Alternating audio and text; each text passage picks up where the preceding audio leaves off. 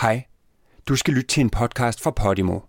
Hvis du kan lide, hvad du hører, så kan du lytte til alle episoder og en række håndplukkede podcasts, ligesom den her, på Podimo allerede i dag. Download appen eller klik på linket i episodebeskrivelsen.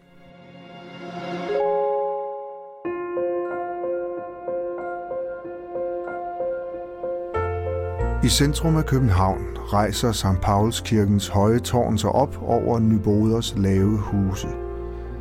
Udefra er det en usædvanlig bygning, og inde i det store kirkerum melder sig en ro, og en mørkeblå stjernehimmel vælver sig som en kuppel over alteret. Herfra kan man fra en lille sidedør gå direkte ind i præsteværelset. Her sidder Katrine Lilleøre i sin bedstefars Empire-sofa. Omringet af fyldte reoler, billeder og bibelcitater vil hun i præsteværelset dykke ned i de store og svære spørgsmål om det at være menneske.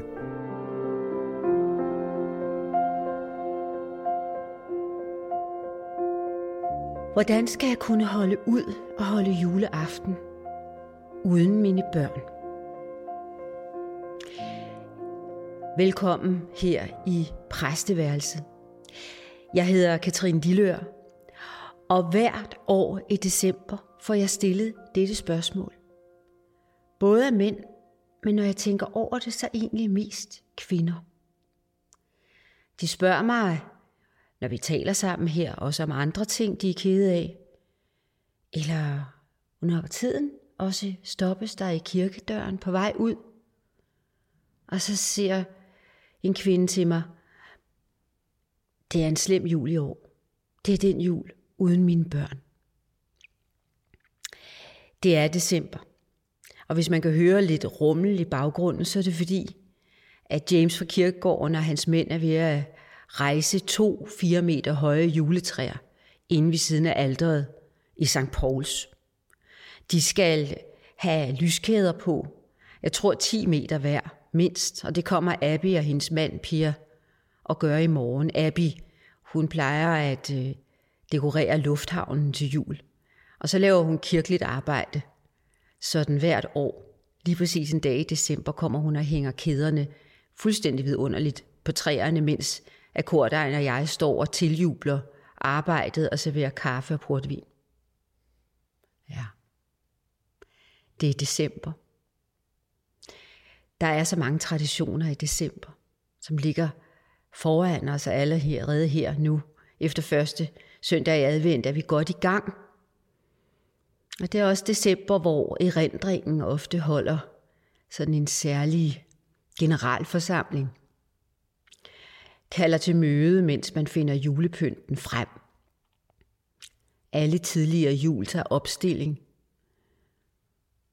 Og der var både de gode jul, tænker man, når man pynter sin adventskrans som jeg derhjemme med de grønne bånd, de gode jul. Og så var der i det, jeg sætter den franske kugle midt i kransen, så var der også, nå ja, de jul, der netop var tunge. Og mine jul, dem der var tunge. Jeg især en jul. Det var da nemlig bestemt den jul, hvor jeg skulle være uden mine små piger. Og som alle andre nyskilte, så jeg med frygt og bæven frem til den aften. Den tårnede sig op over mig som et øh, bjerg, jeg ikke vidste, hvordan jeg skulle komme over. Men det er jo fordi, at den, jeg vidste, at den aften ville være en, øh, en særlig understregning af alt det, der ikke var lykkedes for os. Og jeg var bange for, hvor hårdt sorgen over det mistede ville gå på.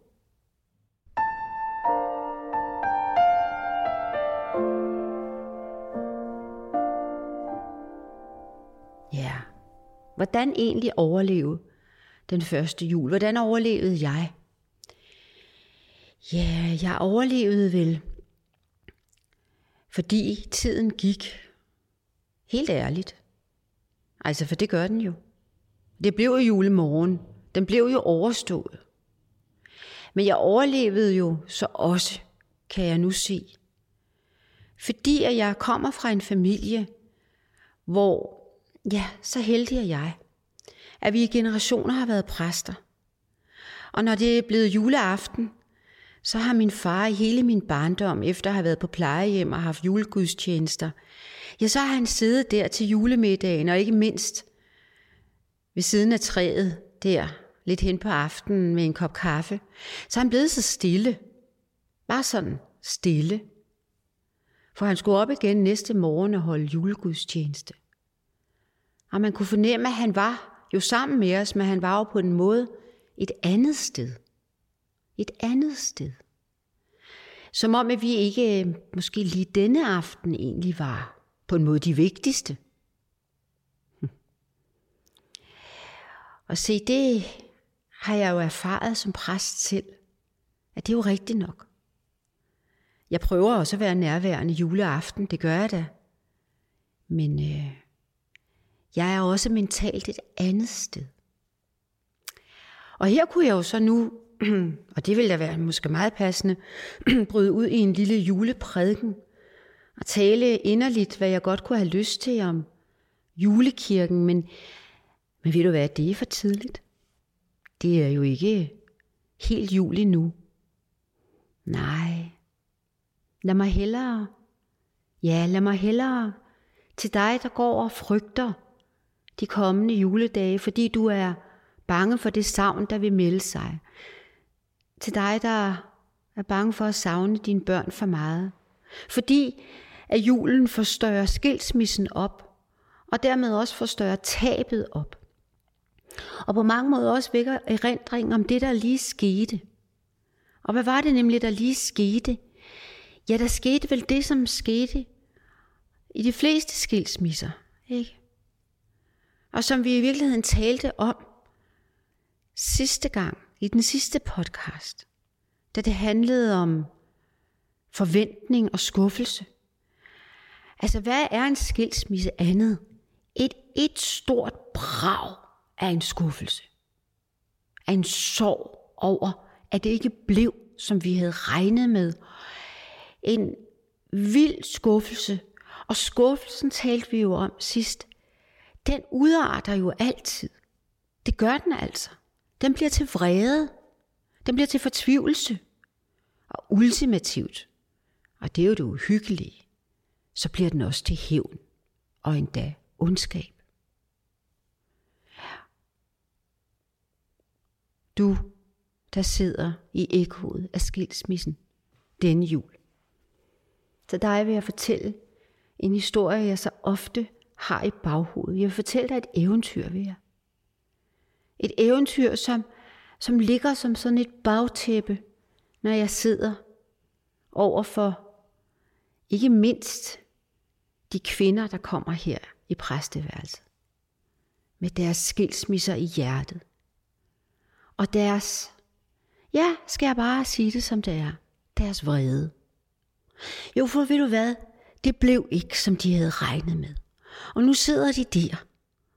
Og de har sådan meget tit har jeg opdaget, og det opdager jeg jo kun fordi, jeg jo selv har haft den. Jeg har sådan en kæbespænding.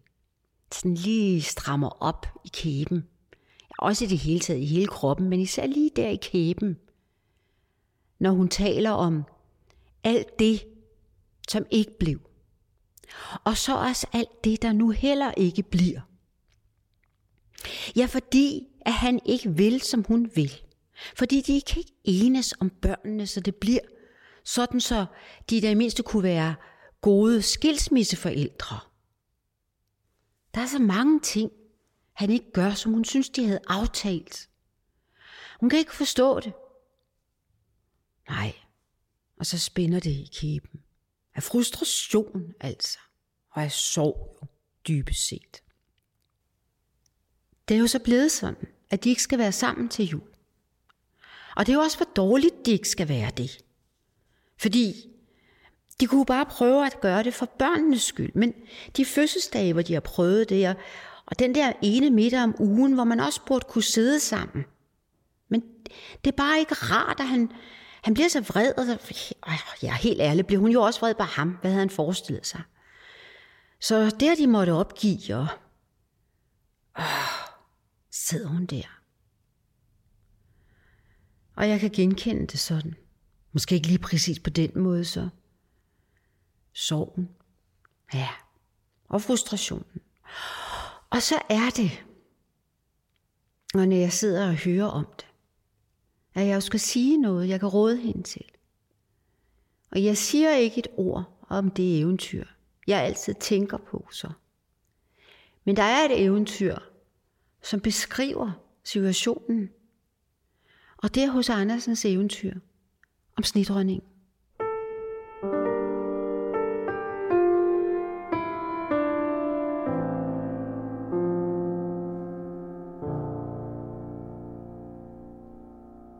Her snedronningen.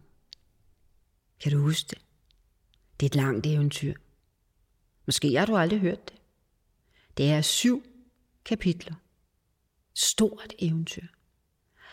Og som så mange hos Andersens eventyr, så er det et eventyr, der også er skrevet, for at man ligesom skal høre en historie. Altså, det er en dejlig fortælling.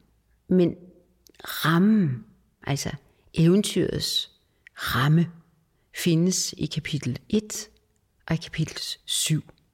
Og i kapitel 1 sker der det, at lille Kai, der er bedste ven med lille Gerda. De elsker hinanden, de to børn, og de leger sammen altid.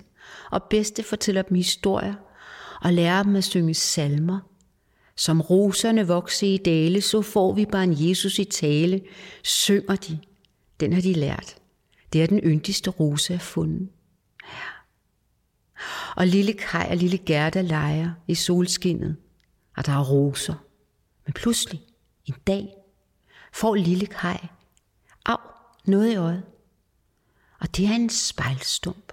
Og vi har hørt, at det er et frygteligt spejl, som djævlen har båret op imod Gud. Og alt i spejlet, det er djævelsk, for det spejler lige modsat det, som der spejler sig i det. Så Guds milde smil er blevet spejlet som et vældig grin i spejlet. Og rystelserne fra dette grin, jo højere det går op mod himlen, smadrer til sidst spejlet. Og det kommer i tusind millioner af glasstumper ud over hele jorden. Og også i sådan nogle små spejlgran. Sådan et lille bitte fnuk, der kan gå i øjet. Og får man det i øjet, skriver Andersen, så bliver hjertet til is. Hmm. Og lille Kai får sådan et spejlgran i øjet, og hans hjerte bliver, må vi forstå jo så, til is. Og han synes med et, at lille Gerda er irriterende.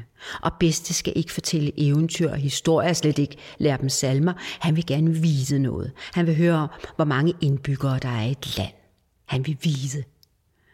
Og en dag, hvor han har drillet Gerda rigtig grundigt, og det er vinter, der tager han sin kælk, og så går han ned for at svinge den op bag på en af de store kaner, der, bliver, der kører gennem hans by.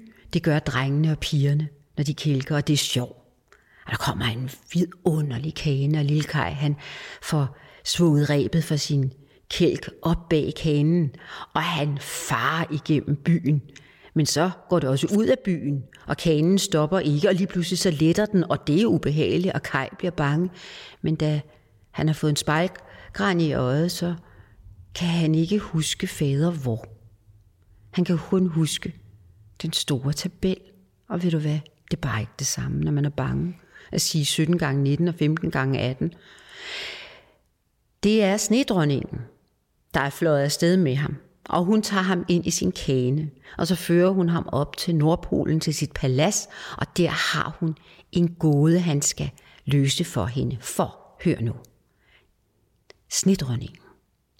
Hun, når hun er hjemme, sidder hun i en trone, som er et stort is. Altså en stor issø, der er som et spejl, så blank er den. Ude midt der i søen står der en trone, som hun sidder på. Og ved du, hvad hun kalder den sø? Hun kalder den forstandens spejl. For snedronningen er forstandens dronning. Og hun har nu altså et ord, som hun ikke kan gætte, fordi det ligger uden for forstanden. Og derfor har hun brug for lille Kai, som skal gætte det for hende, og han får bogstavklodserne, han skal bare sætte det i den rigtige rækkefølge. Ja. Og så sidder han der. Hvis han kan gætte ordet for hende, så vil han få hele verden og et par nye skøjter. Ja.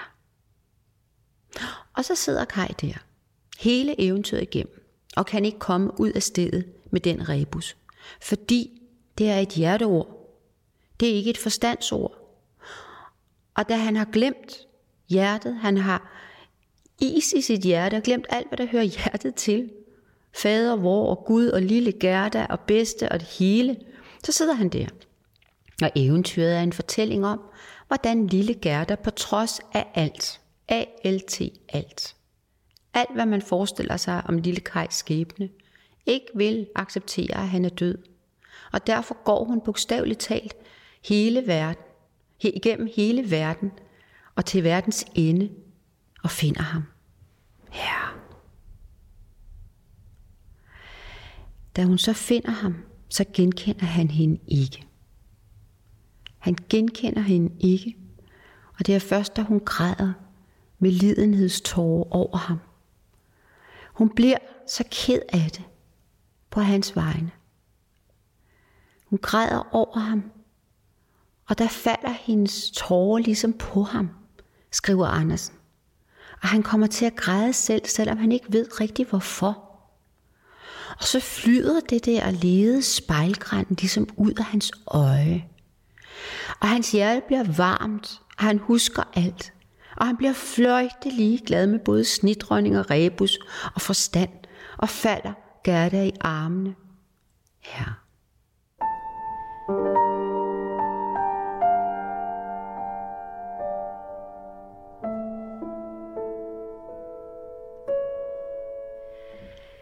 Se, har du, ligesom jeg, oplevet,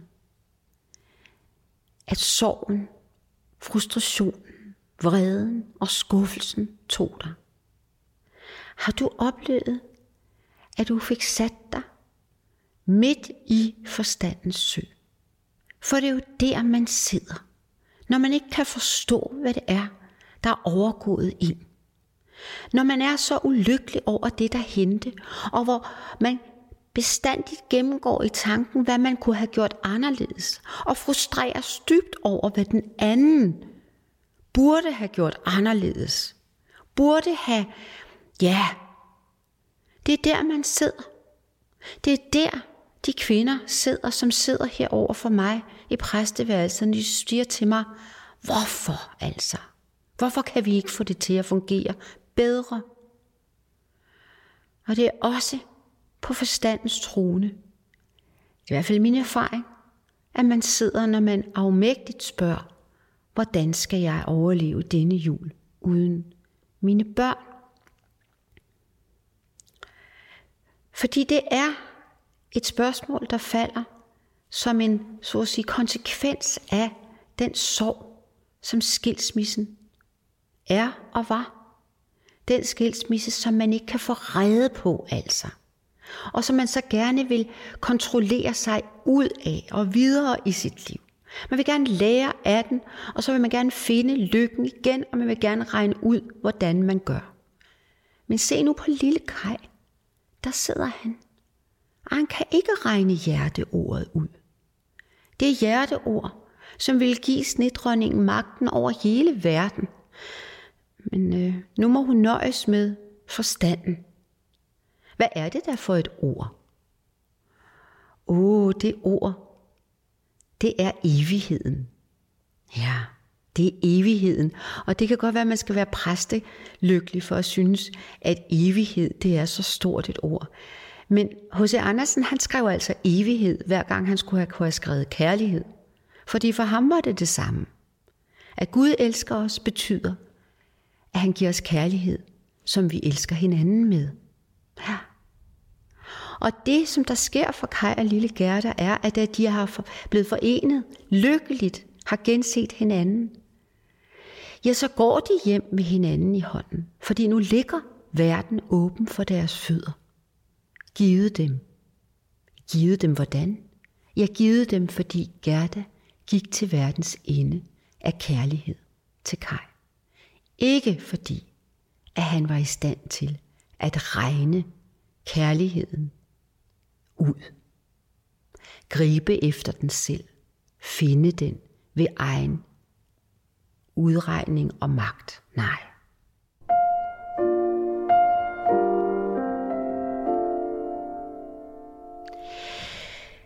Så du, der sidder i mørket skygge her i december og gruer for julen. Rejs dig og børst din kjole. Rejs dig fra snedronningens trone og træd ud. Træd væk for forstandens udregninger, for alle de labyrinter, dine tanker går i. Fjern dig fra frustrationen og skuffelsen. Forsøg at lægge det bag dig. Og se, se hvad der ligger så foran dig. Der ligger jo dage her i december med dine børn. Ja. Og der ligger et nyt år om lidt foran dig med dine vidunderlige børn. Der er aftener og dage, der skal leves. Hverdage især. Helt almindelige, dejlige dage, som jo, set på denne måde, er så meget vigtigere en juleaften. Juleaften, som jo er blot endnu en dag i et år. Juleaften, der ofte symboliserer den aften, hvor vi samles med dem, vi elsker allerhøjst. Men husk nu, at juleaftens ritualer med træet og julemiddagen og gaverne er jo netop ritualer. Det vil sige, at de er symboler på noget, man ikke kan sige. Og derfor har man ritualer. Ritualer er jo noget, der ikke giver mening i sig selv, men som er billeder på, noget større, ligesom brylluppet i kirken, er billedet på kærligheden mellem to. Sådan er juleaftenfejringen billedet på kærligheden i familien. Men den kærlighed er der jo også dagen efter og resten af livet. Kærligheden til dine børn. Så, så gå nu frit ind i december. Fold hænderne om den glæde det er, at der er nogen, du elsker. Og håb så. Jeg håb på, at der en dag vil komme ind imod dig og finde dig. Ja, og finde dig, som Gerda fandt lille Kai. Eller måske er det dig, der skal gå ud i verden nu og ikke sørge over alt det, der var og ikke bliver igen, men glæde dig til det, der skal være. Dig, der skal gå ud og finde en, du kan elske. Hvordan du indgår igennem dagene her i december, så går du med Gud ved din side, i hans lys. Og det sætter en store, gamle velsignelse ord på. Det lyder sådan her. Herren velsigne dig og bevare dig. Herren lad sit ansigt lyse over dig og være dig nådig. Herren løfte sit ansigt mod dig og give dig fred.